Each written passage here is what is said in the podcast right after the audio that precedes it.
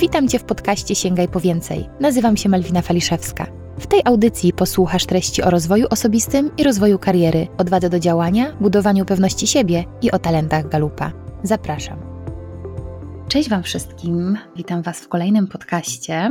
Dzisiaj ponownie moją gościnią będzie Ania Karecka. A to wszystko dlatego, że dostałam od Was bardzo dużo takich komentarzy zwrotnych, jak bardzo fajna była ta rozmowa, jak dużo Wam dała. Również na LinkedInie było bardzo dużo komentarzy pod postem z promocją podcastu z Anią. No i oto mamy tutaj Anię znowu. Cześć Aniu. Dzień dobry. My się tutaj słyszymy w niedzielny, listopadowy, prawdziwie listopadowy wieczór. Nie wiem, jak Ania u Ciebie w Gdańsku, w Gdyni. No jest ponuro dzisiaj bardzo. No, Także nie chcę się z domu wychodzić. Nie chce się wcale. Nie. Słuchajcie, a my z Anią wpadłyśmy na pomysł, że obu nam się to bardzo spodobało, żeby ponownie porozmawiać, a, a żebyście Wy odsłuchali tej naszej rozmowy. I dzisiaj będziemy mówić o poczuciu własnej wartości. No, Ania, rozmawiałyśmy o tym ostatnio i trochę tym przyczynkiem do rozmowy było to, że rozmawiałyśmy o różnego rodzaju testach, narzędziach diagnozujących ludzi, i ty wspomniałaś, że mm, wśród bardzo wielu też, na przykład studentów MBA albo wśród osób e, z dużych korporacji, często w narzędziu Facet 5 wychodzi tam bardzo wysoka emocjonalność, która może być połączona właśnie z tematem poczucia własnej wartości. Powiesz coś więcej o tym? Powiem coś więcej. Oczywiście, tak, to jest myślę, że coś, co co mi się akurat w tym teście bardzo podoba, dlatego że nasza emocjonalność bardzo wpływa na to, jak się zachowujemy. I czasami zachowujemy się nietypowo, nie w zgodzie z naszym profilem osobowości, właśnie z uwagi na emocjonalność. Ja to nazywam emocjonalnością, bo tak to akurat jest w tym teście nazwane, ale tak naprawdę to tak kolokwialnie mówić, jest to związane właśnie z, z, poczuciem własnej wartości. Poczuciem własnej wartości, czyli, e, czyli, czyli tak naprawdę poczuciem, samooceną taką naszej własnej wartości. Jak my siebie postrzegamy, na ile my e, uważamy siebie za osoby wartościowe, za wartościowego człowieka, za takiego, który zasłużył na szacunek, dobre życie, dobre relacje. To jest troszeczkę taka moja definicja poczucia własnej wartości, która też pewnie jest w różnych źródłach trochę różnie definiowana, ale ja się już tak trochę rozpędziłam, bo zaczęłam od definicji Malwiny, bo tak pomyślałam, mhm. że może warto zacząć od definicji. Słuchaj, Ania. ale, ale wiesz co, chciałam jak zwykle prowokacyjnie na początku powiedzieć, że ja uwielbiam wszystkie osoby z, z zaniżonym poczuciem własnej wartości. Dlaczego? Uwielbiam. Powiem ci, że w swoim życiu miałam naprawdę i paru szefów takich, i podwładnych, i kolegów, i koleżanki. I to są osoby, od których ja się najwięcej nauczyłam, bo to są niezmiernie ambitne osoby.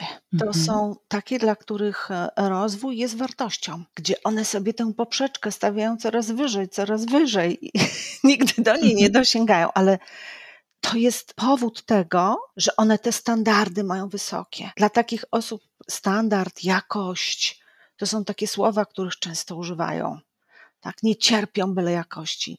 I to jest trochę tak jak z nauczycielem w szkole, którego pamiętamy. Najczęściej pamiętamy tego trochę surowego, prawda? Który mhm. nam tam tą poprzeczkę podnosił i trzeba było naprawdę zasłużyć żeby dostać dobrą ocenę, ale po latach mówimy, kurczę, jaki to był dobry Belfer, ile się od mhm. niego nauczę. I to jest trochę też tak, to są, wspomniałaś o tych studentach, tak, dlatego że często właśnie na studia idą osoby, no takie, które chcą się cały czas rozwijać, rozwijać, rozwijać, nie są wystarczająco dobre, mają bardzo dużo pokory w sobie, no i są ambitne. Mhm. ambitne. Ale czy to jest równoznaczne z niskim poczuciem własnej wartości? E, wiesz co, e, oczywiście no, można być ambitnym i się rozwijać, nie mają zaniżonego poczucia własnej wartości, natomiast ja chciałam powiedzieć, że z tak zwanym efektem też tego, pozytywnym właśnie, o czym się często zapomina, bo to są osoby, z którymi być może oh, trudno nam żyć czasami. Mhm. E, one same ze sobą im bardzo często ciężko żyć, tak? Mają bardzo duże koszty energetyczne takiej postawy, no ale to są niezmiernie wartościowe osoby, które powodują, że ten świat idzie do, do przodu po prostu, a mhm. one razem z nim albo, albo w drugą stronę. No to wiedziałam, że się zacznie z tobą po prostu na opak, no.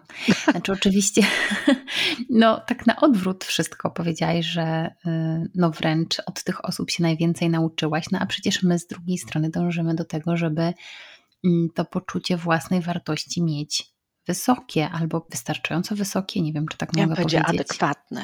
Takie. No właśnie. Ja bym powiedziała zrównoważona taka emocjonalność, taka stabilność pewnie jest dla nas najzdrowsza. Dla nas, dla nas. A co to e, znaczy zrównoważona stabilność? E, wiesz co, no, no muszę sięgnąć w takim razie do rozszerzenia tej definicji poczucia własnej wartości, co na nią wpływa, bo właściwie to mhm. bardzo na nią wpływa samoocena, prawda? Mhm. I ta sama ocena, ona się bierze z tego, co o sobie myślimy, na podstawie swoich własnych doświadczeń, co się nam udało, co się nam nie udało, co potrafimy, czego nie potrafimy, ale też e, z informacji zwrotnej, jaką dostajemy. I ta e, samocena, jeżeli ona wypada słabo, czy uważamy, mhm. że nie jesteśmy wystarczająco dobrzy, no to, to wpływa na nasze poczucie własnej wartości. Ono wtedy się trochę obniża. Mhm.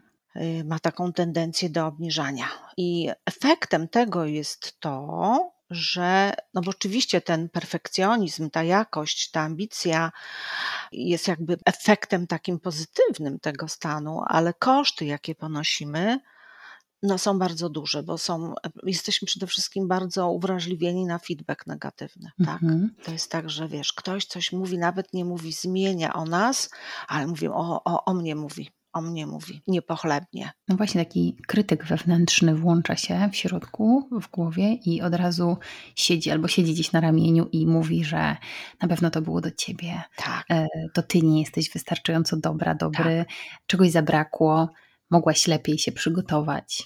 Tak, absolutnie tak. I to dotyczy, ten krytyk dotyczy wielu rzeczy.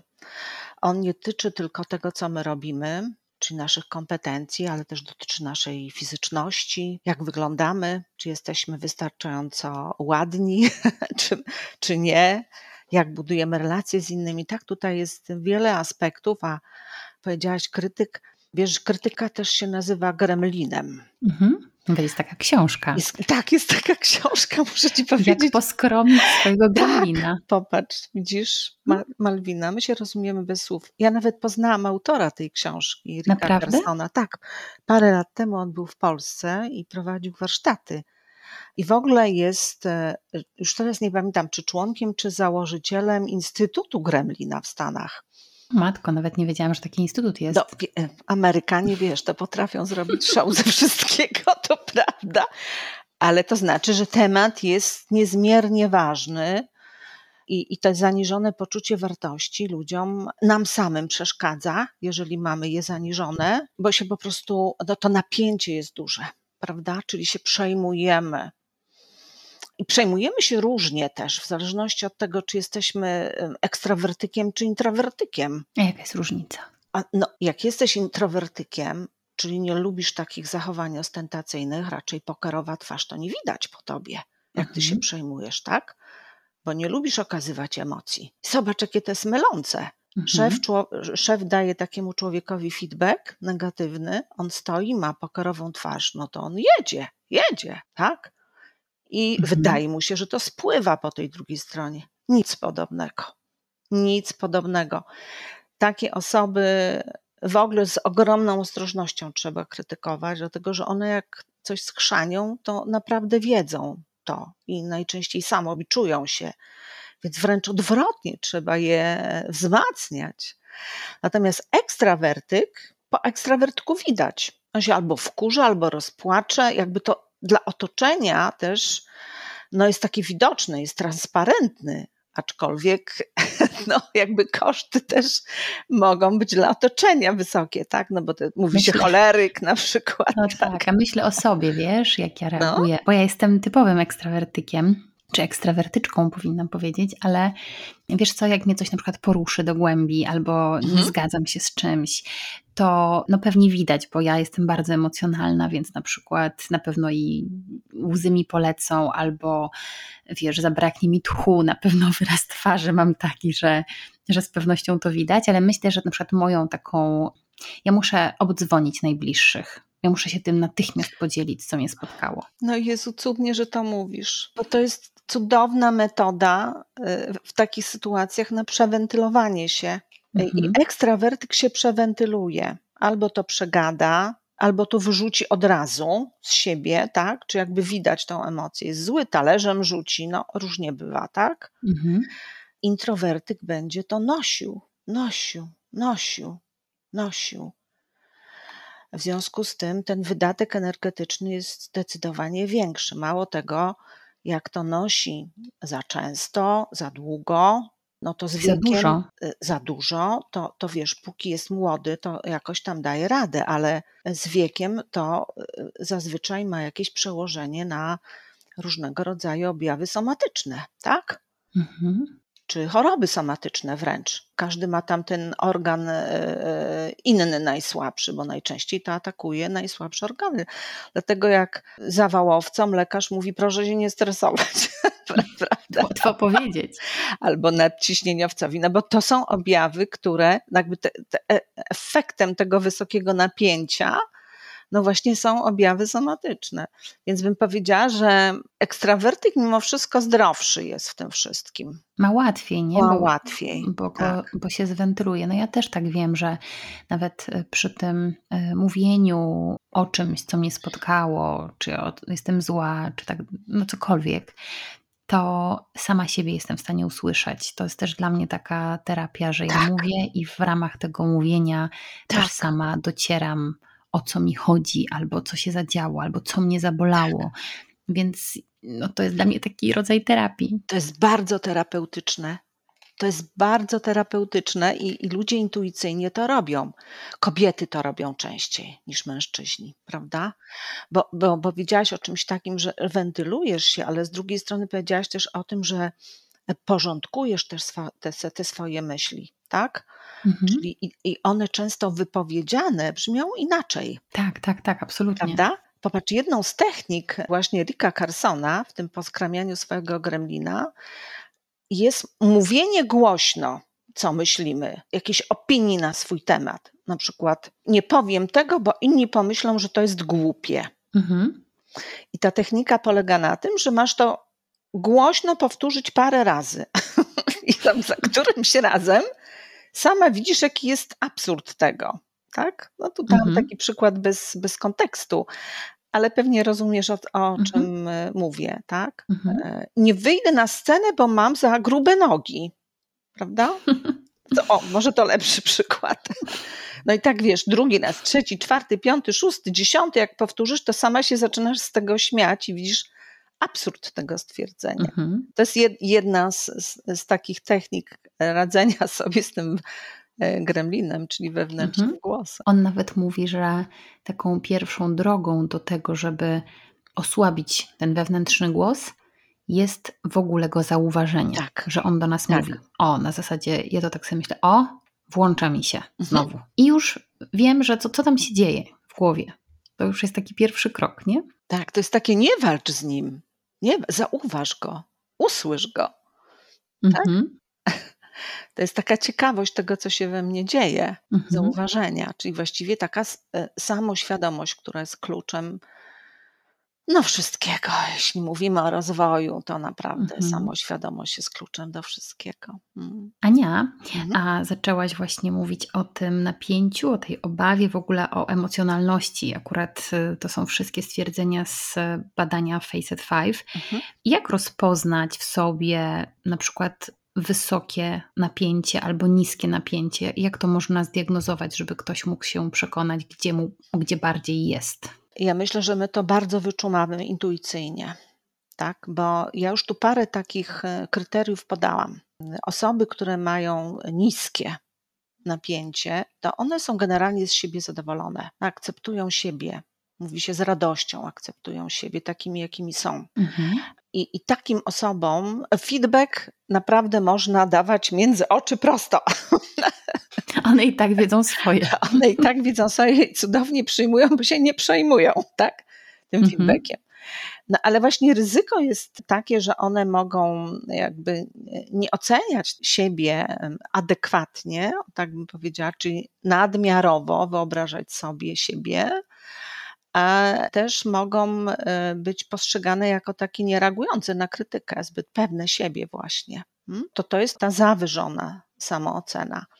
A ta zaniżona samoocena to jakby powoduje, że że właśnie tymi e, miernikami jest to, że my się bardzo przejmujemy feedback, feedbackiem negatywnym, minimalizujemy pozytywne. To jest ciekawe, mhm. bo, bo jest takie dążenie do perfekcji, że nie zauważamy, czyli albo ignorujemy, albo minimalizujemy pozytywne.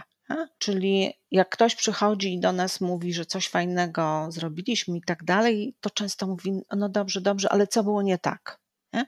Czy jakby koncentrujemy się na tym, co jest nie tak mhm. i przejmujemy się tym, więc to nosimy, to żeśmy o tym mówiły, że nosimy, więc ten wydatek emocjonalny jest, e, jest duży. Staramy się cały czas rozwijać, bo, no, bo być, chcemy być coraz lepsi, coraz lepsi, prawda? Więc to jest ta ambicja, to jest ten pozytywny efekt tego wszystkiego. Dlatego takie osoby też daleko zachodzą, tak? Bo ta mhm. ambicja mhm. ich ciągnie, ta, ta potrzeba perfekcji ich ciągnie. I to są takie osoby, które są krytyczne wobec siebie, ale bardzo często też wobec innych. Surowo oceniają. Tak, ten standard jest wysoki. I one tak nie zachwycają się, na przykład jak ktoś odtrąbia jakiś sukces, prawda? Mhm. Ale to mogą być też tacy surowi rodzice, którzy nigdy nie są zadowoleni z wyników dzieci. Tak, Mówią, stać na więcej. Dlatego mówi się, że jakby yy, genezą oczywiście są jakieś tam nasze geny, które na to wpływają, ale jednak dzieciństwo ma ogromne znaczenie. Ale mówimy już w dorosłym życiu. Ja, ja jestem krytyczna wobec siebie, ale też mogę być krytyczna i oceniająca wobec innych. Czyli to są takie osoby, które mogą słabo doceniać. No bo nie ma za co. A? To jest standard. Mhm. Co tu mhm. doceniać? Mhm. Wiesz co, myślę teraz o galupie, mhm. E, jak o tym mówisz, i o takich dwóch talentach. E, jeden to maximizer, tak. to jest talent, który będzie skupiał się na mocnych stronach innych i bardziej będzie chętny do działania i mm, zadowolony z siebie, kiedy będzie mógł działać w oparciu o swoje mocne strony, kiedy ktoś będzie bardziej działał na pochwałę niż na krytykę i to będzie bardziej motywujące, no ale również gdzieś tam w takim blind spocie, w tej ciemniejszej stronie tego talentu może mieć czasami właśnie takie tendencje do perfekcji, że ma tak. zawyżone standardy, że inni nie są w stanie zadowolić tej osoby. To jest w nadmiarze. Ja akurat mam maksymizera na pierwszym miejscu, wiesz, i mhm. ja lubię rzeczywiście skupiać się na mocnych stronach, lubię doceniać innych za mocne strony, ale nie mam tego, co ty mówisz, tak. E, nie mam takiego poczucia, żebym ciągle była niezadowolona, albo mhm. wręcz jestem zadowolona. A drugi ten talent to jest restorative, czyli naprawianie. I znowu te mhm. osoby częściej skupiają się na tym, czego brakuje. Ich tam za bardzo to, co jest dobre, niezbyt interesuje. One będą się bardziej skupiać na tym, co jest do poprawy mhm. bo to jest dla nich, na tym mają fokus. I tutaj często właśnie mają taką tendencję do tego, że coś jeszcze można lepiej i lepiej i lepiej. Czasami e, otoczenie może też odbierać ich w taki sposób, że są wiecznie niezadowoleni, no bo za każdym razem mają jakiś punkt do wytknięcia albo powiedzenie, no ale to można by było zrobić lepiej. Tylko tu jest bardziej takie, nie, że można by było zrobić lepiej, tylko że coś jest nie tak. Mhm.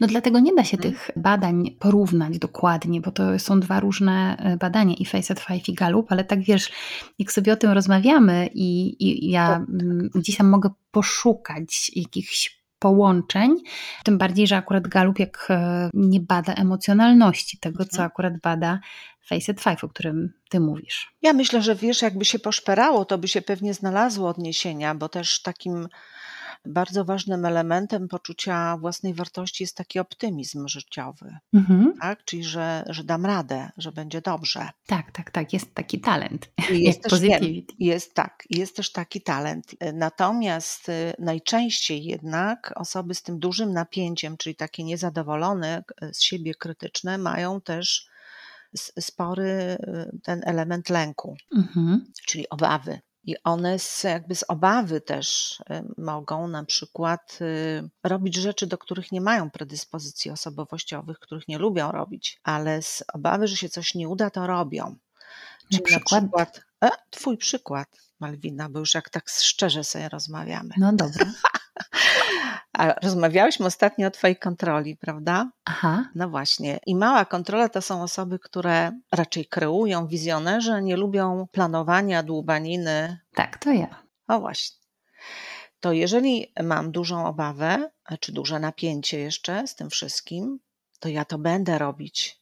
Dlaczego? Bo mam potrzebę perfekcji, albo mam poziom lęku, że jak tego nie sprawdzę, to się wykrzaczy. Mhm. Tak? Czyli zobacz, to samo zachowanie, ale motywacja inna. Ja Mhm. nie robię tego, bo lubię, a ja robię to, bo się boję. Mhm. No tak.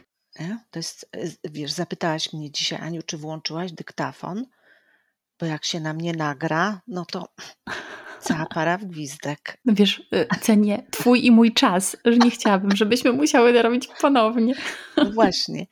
Wiesz, ale to jest taka zrównoważona, ja bym powiedziała tak, w takiej osobowości, mm, która jest tu zrównoważona, no to jest i to, i to, ale w odpowiednich proporcjach, jakby nie w nadmiarze, tak? Mhm. Dlatego, że nadmierny optymizm powoduje, że my z kolei no, nie widzimy tych ryzyk, Tak, tak, to prawda. tak? Czyli nie, nie budujemy scenariuszy na wypadek, że się coś nie uda.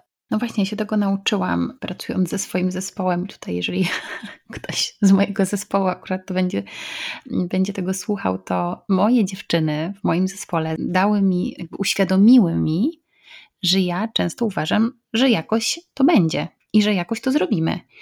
I to było takie niesamowite, jak mi jedna z dziewczyn zapytała, jakoś, czyli jak? Bo ona potrzebuje wiedzieć jak. A ja mówię, no jakoś.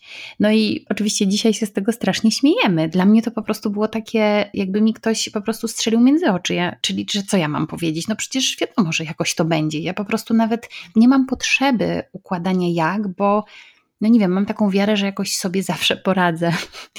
I to jest takie śmieszne, bo właśnie z drugiej strony osoby z większą potrzebą takiej, nie wiem czy kontroli, ale większą potrzebą być może planowania czy konkretów, potrzebują dokładnie wiedzieć. No i w ogóle słyszałam nawet, że jakoś to będzie, to jest narodowe zdanie Polaków. Może tak być. Ja bym powiedziała, że, że, że ta, ten optymizm to jest e, ba- bardzo ważny na takim etapie kreacji burzy mózgów, prawda? Żeby się nie ograniczać. Mhm.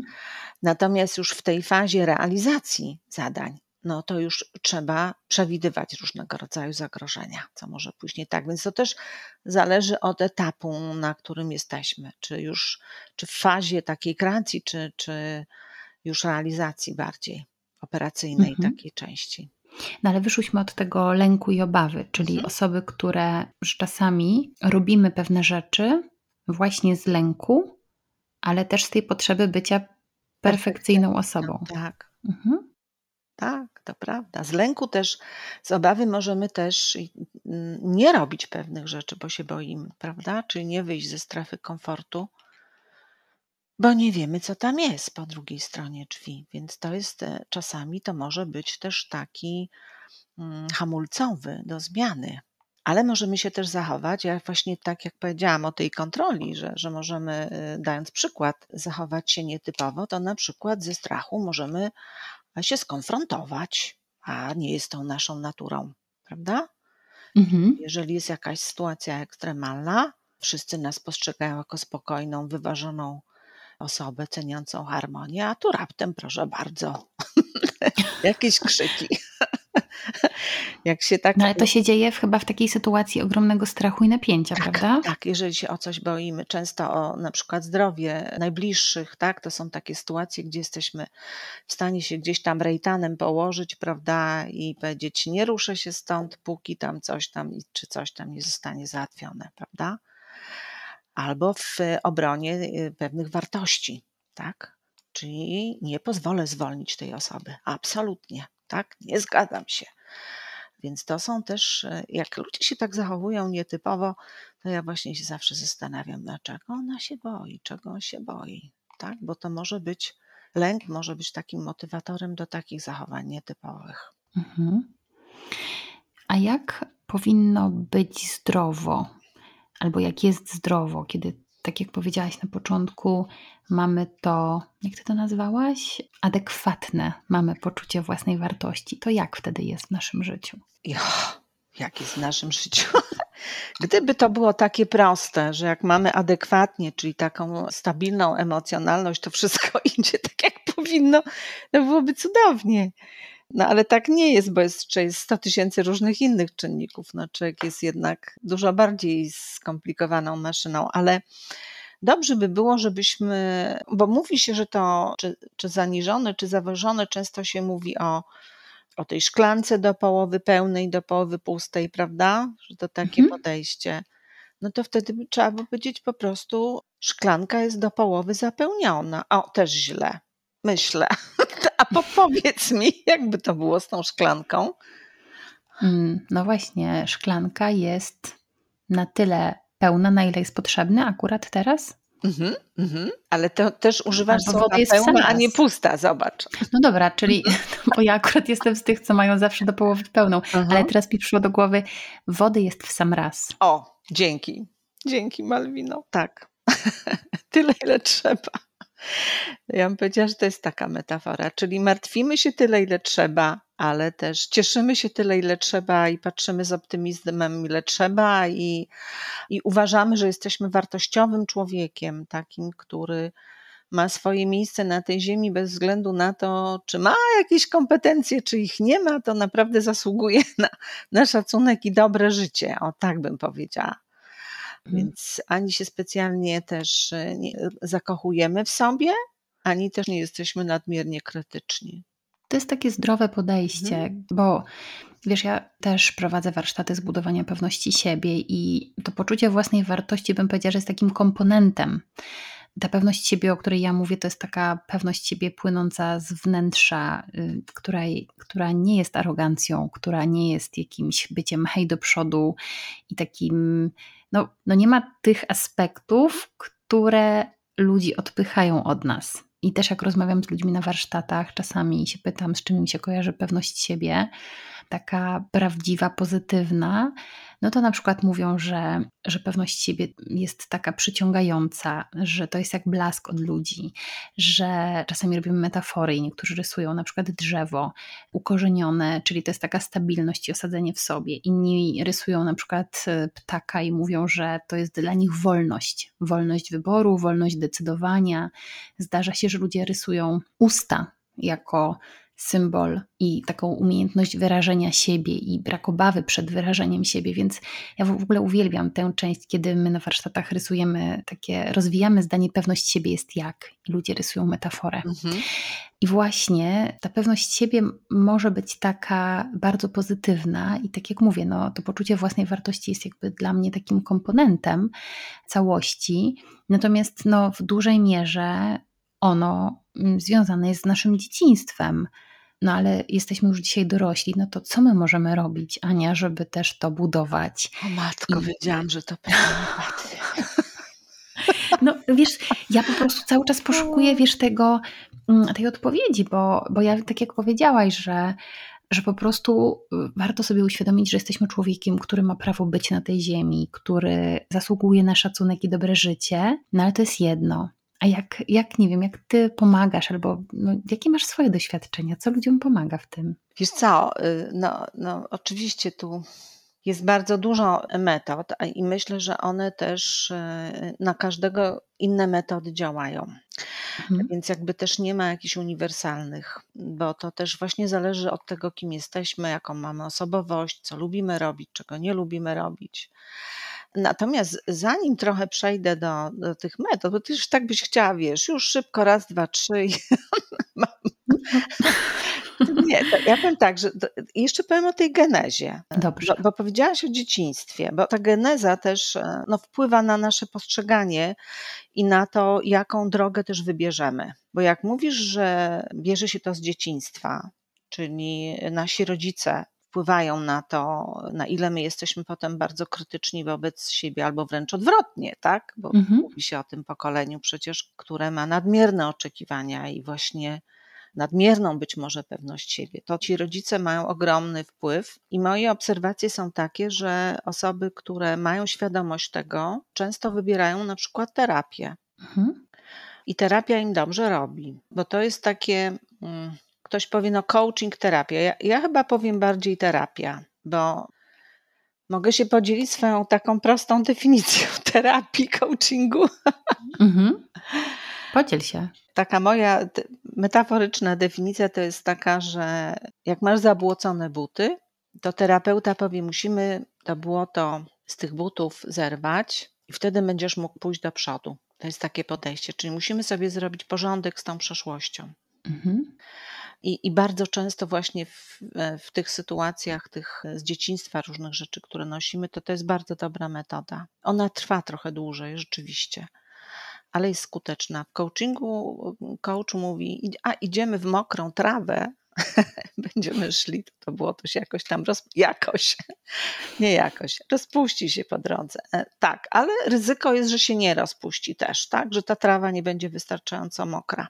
Więc e, dlatego mówię, że też ma, ta geneza ma znaczenie. E, myślę, że też dzieciństwo, ale też taka jakby w Polsce głównie, jest to wzmacniane przez taką kulturę podporządkowania, tak? Czyli bardzo mamy tę kulturę ugruntowaną w szkole. No, musisz wykonywać polecenia nauczyciela, tak? Jest ta hierarchia tak. i hierarchia też jest w pracy. No? Tak, w bardzo wielu szczeble. firmach jest tak. ogromna hierarchia. Tak, i jest, to, jest oczekiwanie tego podporządkowania, zobacz. To jakby nie pomaga.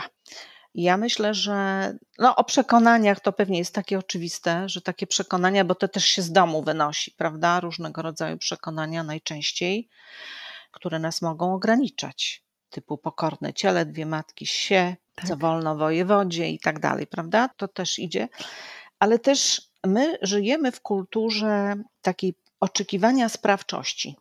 I to nie jest tak, że każdym kraju to jest dominująca kultura. Ona jest dominująca w takich krajach zachodnich, Stany, Europa Zachodnia, być może nie wszystkie kraje, tak? Czyli jesteś na tyle dobry, ile osiągnąłeś. No tak. Tak, to jest u nas. Ale są, też. tak, czy jest ta presja na sukces, na sukces, na osiąganie. Jak popatrzysz na nasze media, to po prostu są same sukcesy. Same sukcesy, każdy ma sukcesy. Ale też są inne kultury są kultury takie wspólnotowe bardziej, gdzie te relacje mają większe znaczenie. Na przykład Indie, tak? gdzie ludzie żyją w, w, w społecznościach, nawet większe, rodziny, rodziny są duże, to też wpływa, bo ta kultura sprawczości, oczekiwanie sprawczości powoduje, że my chcemy uchodzić za bardzo kompetentnych ludzi i osiągających sukces. Jak o tym mówisz, to od razu przypominają mi się reakcje osób, z którymi ja rozmawiam, które na przykład zrobią sobie wyniki, e, zrobią sobie badanie test talentów Galupa i spoglądają na swój profil i na przykład jest tam, nie wiem, bardzo dużo na początku, w pierwszej dziesiątce talentów budowania relacji. I często, jeżeli to są osoby, które są na stanowiskach liderskich, menedżerskich, e, to mówią: Ojejku, ja nie mam nic z executing, nic nie mam z tej domeny mhm, wykonawczej. Mm-hmm. To jak ja mogę być dobrym liderem albo liderką? Jest takie rozczarowanie wręcz. O Jezu, to co ja mam za talenty w ogóle? Co ja mogę z tymi talentami zrobić? Wręcz mam czasami wrażenie, że ludzie tych relacyjnych talentów po prostu kompletnie nie doceniają, są rozczarowani często. Bo to jest kulturowe.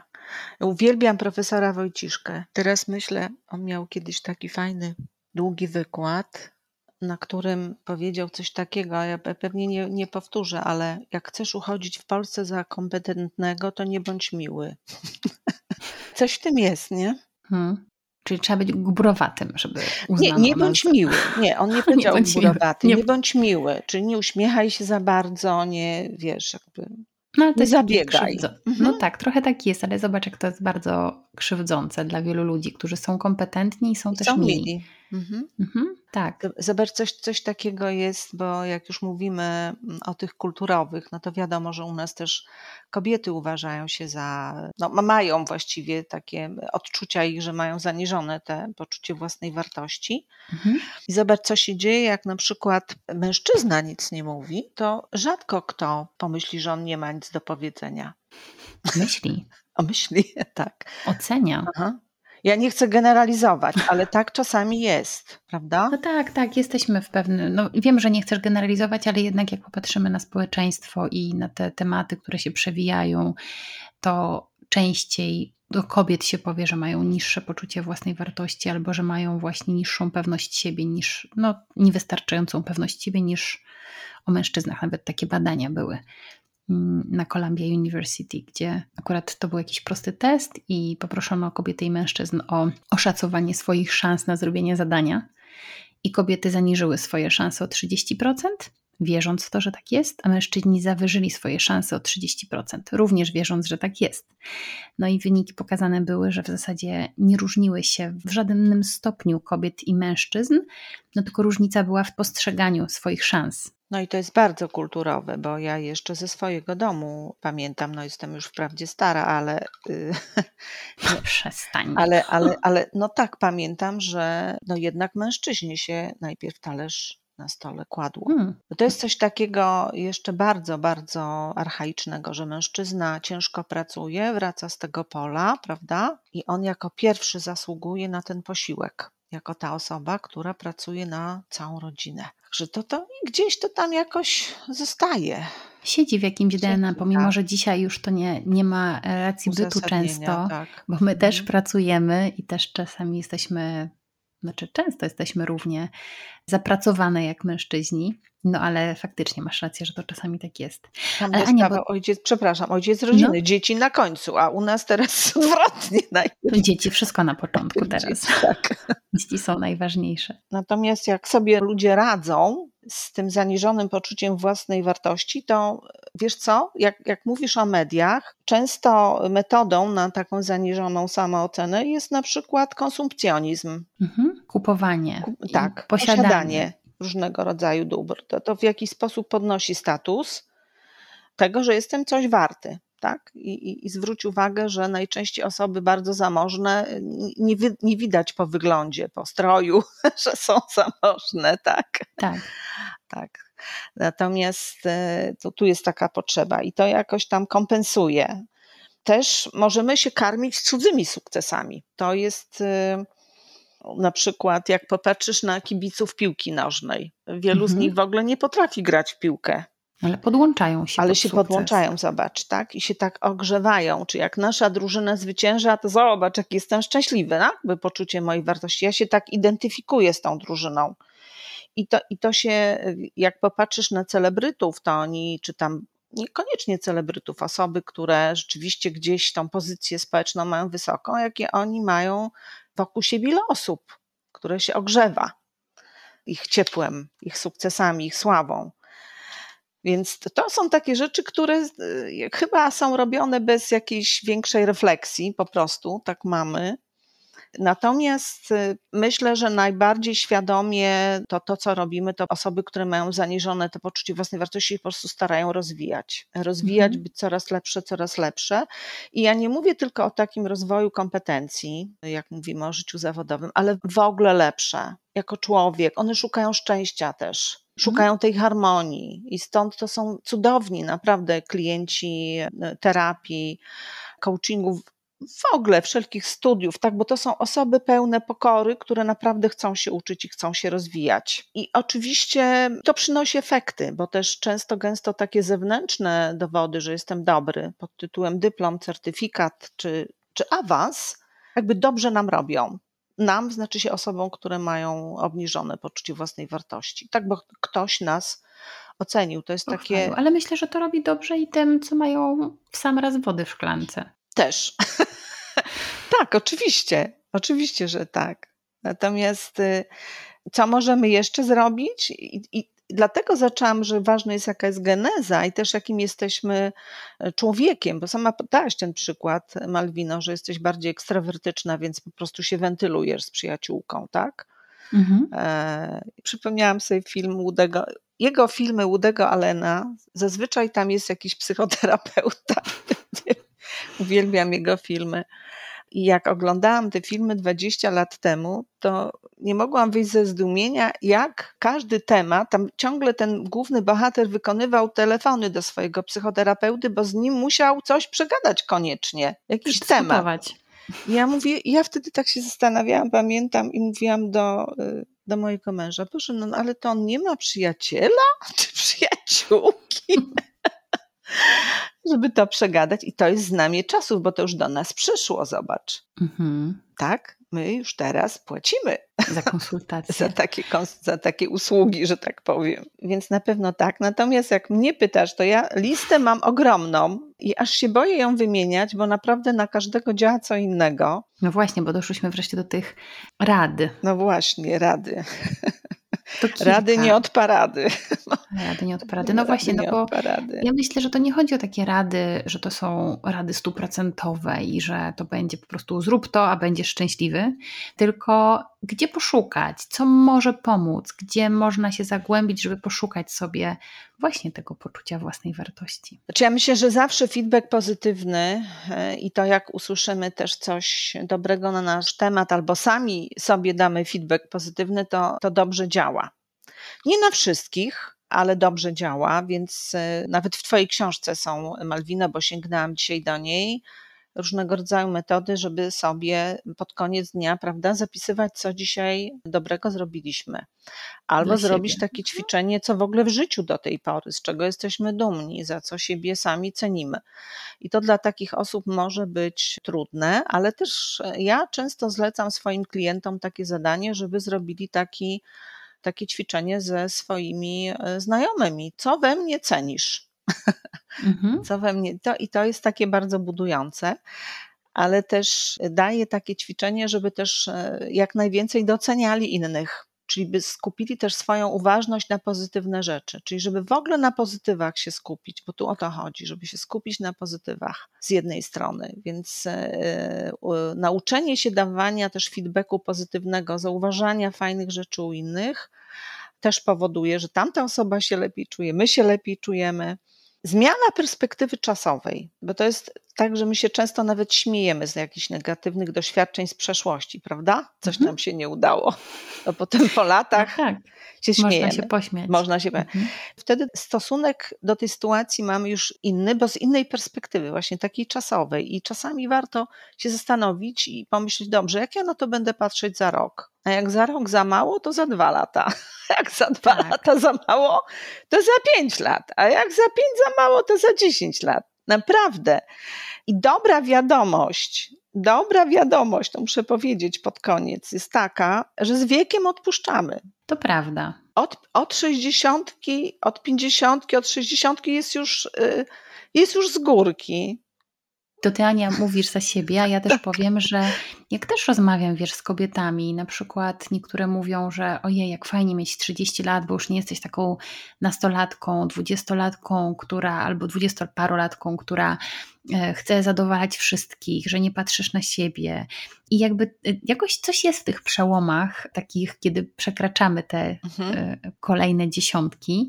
Później kobiety czterdziestoletnie też o, o, tym mówią, że no w życiu się tak świetnie nie czuły i, i, że to jest super czas, że nie muszą się, że już mają tyle dystansu do siebie, że no też jest im lepiej. Ty znowu tutaj mówisz, wiesz, 50-60, że to też jest kolejny super czas, kiedy już tak naprawdę już tyle człowiek przeżył, że no, po co się komuś podobać, po co tracić tę energię na to, żeby przypodobać się komuś na siłę.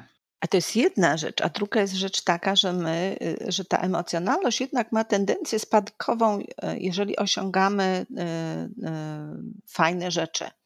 Czyli im więcej mamy doświadczeń, że się udało i da, daliśmy radę, albo świat się nie zawalił, jak coś nie wyszło, to nabieramy grubej skóry i też się dystansujemy już po którymś tam razie do pewnych rzeczy. Ale też, też tak sobie pomyślałam, że. Mm, to nie jest tak, że my całe życie właśnie jesteśmy, raz, że nie całe życie jesteśmy tacy sami, to i w każdej chwili z różnymi osobami też jesteśmy inni, tak? To, to jest takie powiedzenie, które strasznie lubię, człowiek, nie strasznie, bardzo, mhm. poprawiam się. Człowiek nie jest, człowiek bywa. Bywa. To nie jest tak, że my zawsze jesteśmy tacy sami. Tak samo reagujemy w podobnych sytuacjach. Nie, bo my się inaczej zachowujemy wobec różnych ludzi, wobec przyjaciółki inaczej, wobec męża, wobec szefa inaczej, w różnych sytuacjach inaczej i i trochę tak, jak Szymborska powiedziała, tyle wiemy o sobie, ile nas sprawdzono, albo ile my się sami sprawdziliśmy, tak?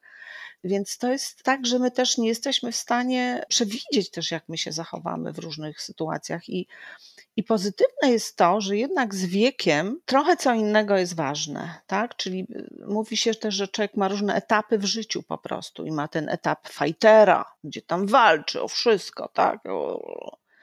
Ale taki końcowy etap to jest taki etap harmonii, to jest taki etap maga. To jest taki etap, gdzie moim celem nie jest posiadanie nawet sukcesów, nawet takich niematerialnych rzeczy, tylko harmonia wewnętrzna. Takie bycie, bycie w, zgodzie ze sobą. Ze sobą. Mhm. No, to o czym mówisz, to też bardzo ze mną gdzieś tam rezonuje, współgra i tak to mocno czuję. I tak jakbym chciała podsumować te rzeczy, o których powiedziałaś, czyli skupianie się na pozytywach i nawet jak na początku trudno nam znaleźć te pozytywne rzeczy w sobie, to skupmy się na tym, żeby chwalić innych, bo to też już zmienia naszą optykę i gdzieś indziej nasze myśli się wtedy gdzieś indziej krążą. Na co innego się nastawiamy, na poszukiwanie tego, co dobre. Mówisz o tym drugim sposobie też zastanawianie się, jakie to będzie miało znaczenie jutro, pojutrze, za rok, za dwa, to bardzo fajnie się sprawdza. Kiedy nam się szczególnie wydaje, że jejku, coś jest tragedią i w ogóle plama straszna i że wszyscy będą o tym mówić, nie? To to pomaga. No i trzecia rzecz, o której teraz powiedziałaś, no i zapomniałam ją. Człowiek nie jest, człowiek bywa i jakby też nie ma się tak też przejmować, bo różni jesteśmy, ale wiesz, jakbym miała jeszcze dołożyć, to myślę, że, bo, bo, bo ja powiedziałam o zmianie perspektywy czasowej, ale oczywiście każde każde wyjście z tak zwanego pojemnika myślowego, jak ja mówię, takiej pętli myślowej, i dla każdego też to jest inny sposób. Y, ktoś przegada z przyjaciółką, ktoś pójdzie na jogę, ktoś uprawia jakiś sport.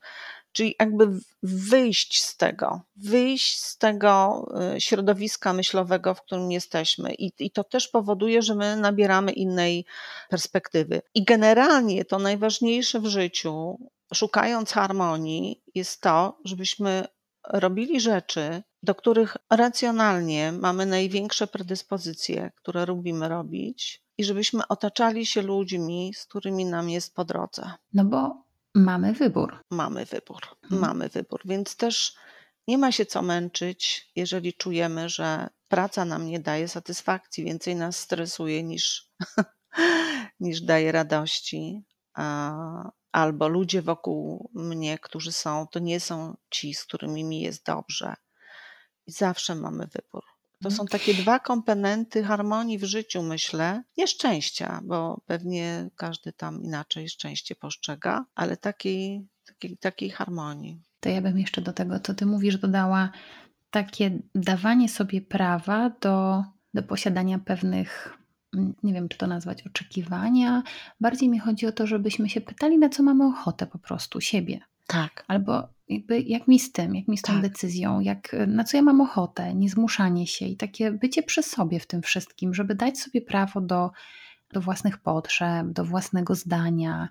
To jest piekielnie trudne. Wydaje mi się, że żyjemy właśnie też w takiej presji społeczeństwa i różnych ról, gdzie powinniśmy być jacyś albo jakieś, i takie czasami wystarczy zacząć, myślę, praktykować od tego, a co ja na to? albo a co ja chcę. To tak od siebie dorzucam do. Albo do co tego, mówi mi moje ciało. A, to już kolejny To już temat. kolejny temat jest, ale wiesz co? Jed, jeszcze jedna rzecz, patrz, tak mówimy, mówimy, jeszcze jedna rzecz mi została. Nie wiem, czy zdarzyło ci się słuchać Benjamina Zandera. Nie? Zachęcam. To jest taki dyrygent bostońskiej orkiestry, który jak skończył 42 lata, to doszedł do genialnego wniosku, że jest jedynym członkiem orkiestry, który nie wydaje dźwięku. To dużo mu, długo mu zeszło. Tak, ale to jest taka fajna metafora leadershipu tak naprawdę. Natomiast y, on, on propaguje taką zasadę, którą nazywa zasadą numer 6. O, Jak się go pytają, jakie są inne, to on mówi, że nie ma innych. jest tylko zasada numer Zasada 6. numer 6. I zasada numer 6 z angielska brzmi y, Don't take yourself so seriously. nie traktuj siebie tak poważnie.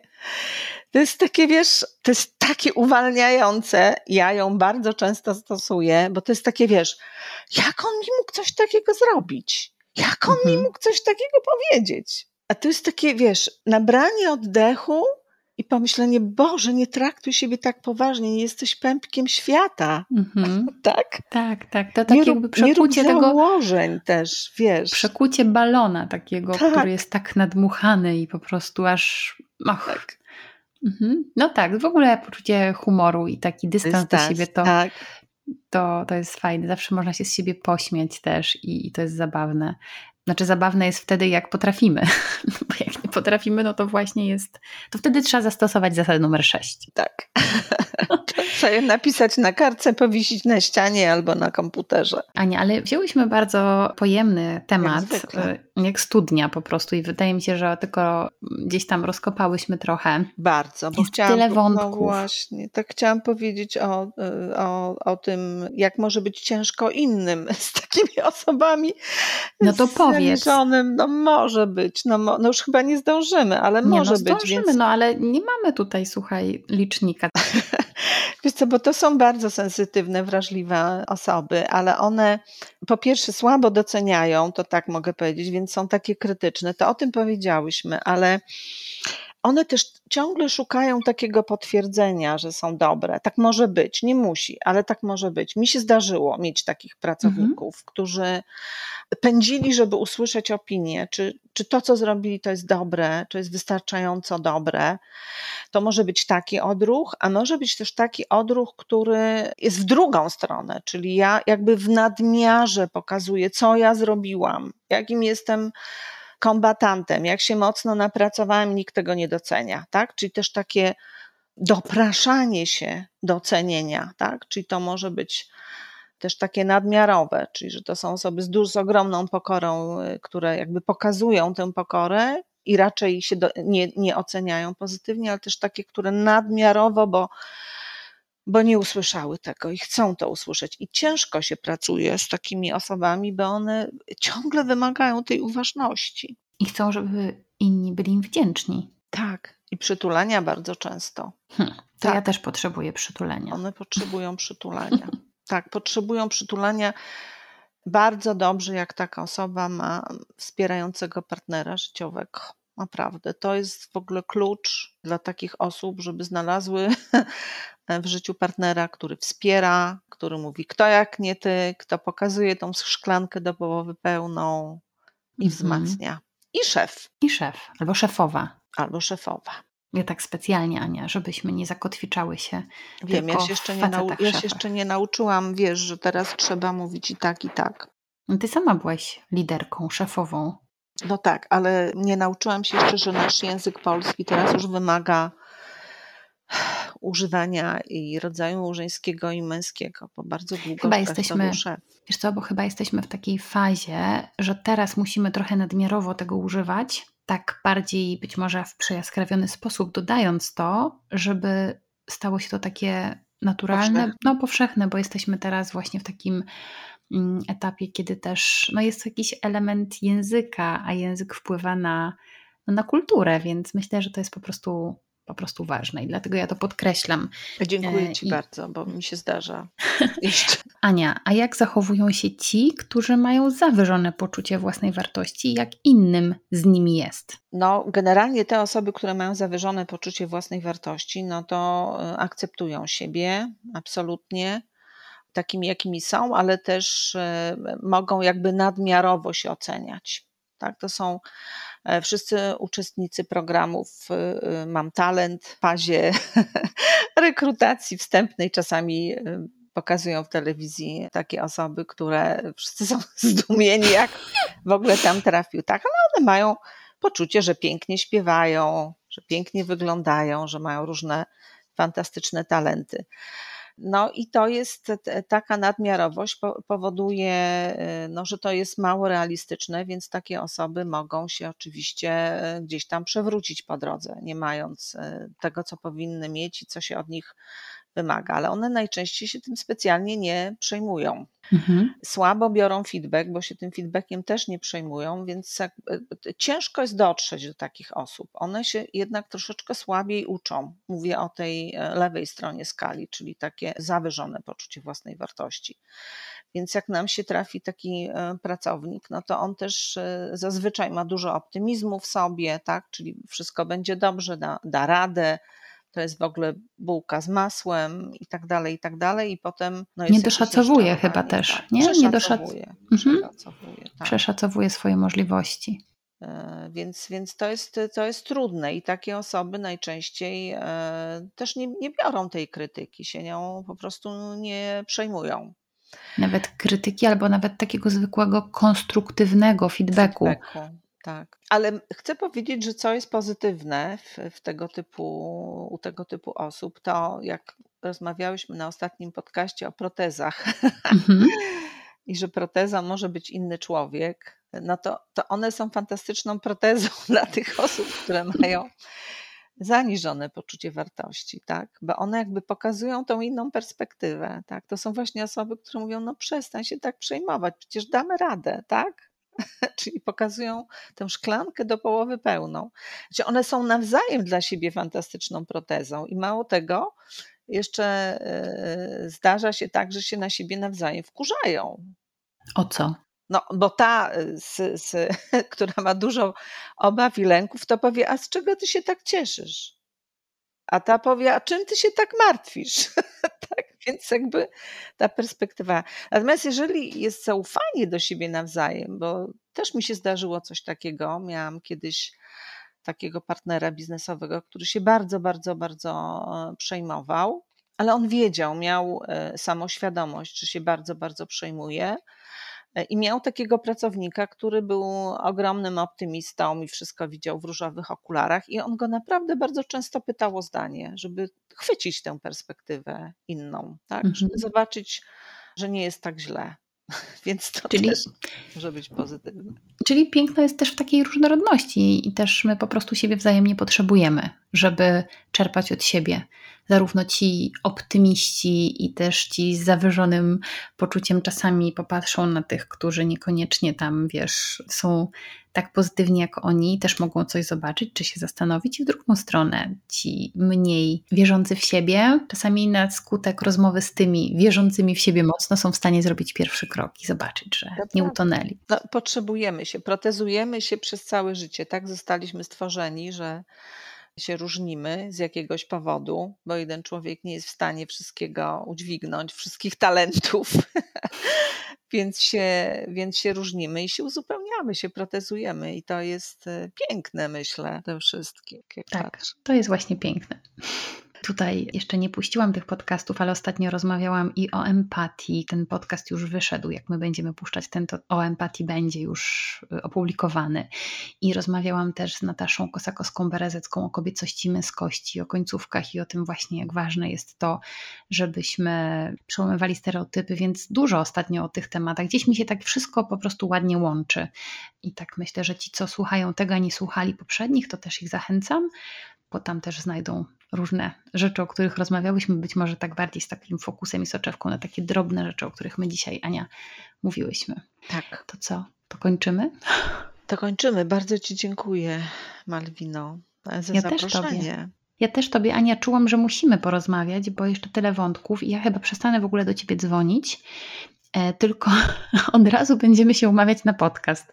Dlatego, że jak zadzwonimy, to po prostu rozmawiamy godzinę i tam tyle wątków jest, że normalnie same ostatnio stwierdziłyśmy, że można by było spokojnie na rozmowę nagrać z tego. To prawda, tak. To dzisiejsza rozmowa była też dla mnie bardzo porządkująca, tak jak powiedziałaś. Trochę sobie uporządkowałam też ten temat. Widzisz? Czyli też Hmm. taka terapeutyczna trochę. No to super. Nawet nie spodziewałam się, że ja potrafię coś uporządkować. W sensie. A tu się okazało, że proszę. Aniu, Tobie bardzo serdecznie dziękuję. Wam też dziękuję za wysłuchanie. No i oczywiście, słuchajcie, zapraszam, zapraszam, zapraszam do różnych innych rozmów i do poprzedniej rozmowy za nią, jeżeli jej jeszcze nie słuchaliście, ale także do innych podcastów. I dobrego dnia, wieczora, w zależności od tego, o której godzinie słuchacie tej rozmowy. Cześć. Do usłyszenia. Jeśli podobał Ci się ten odcinek, udostępnij go znajomym. Zasubskrybuj mój kanał, jeśli chcesz być na bieżąco z tematami, które poruszam. I powodzenia w Twoim sięganiu po więcej.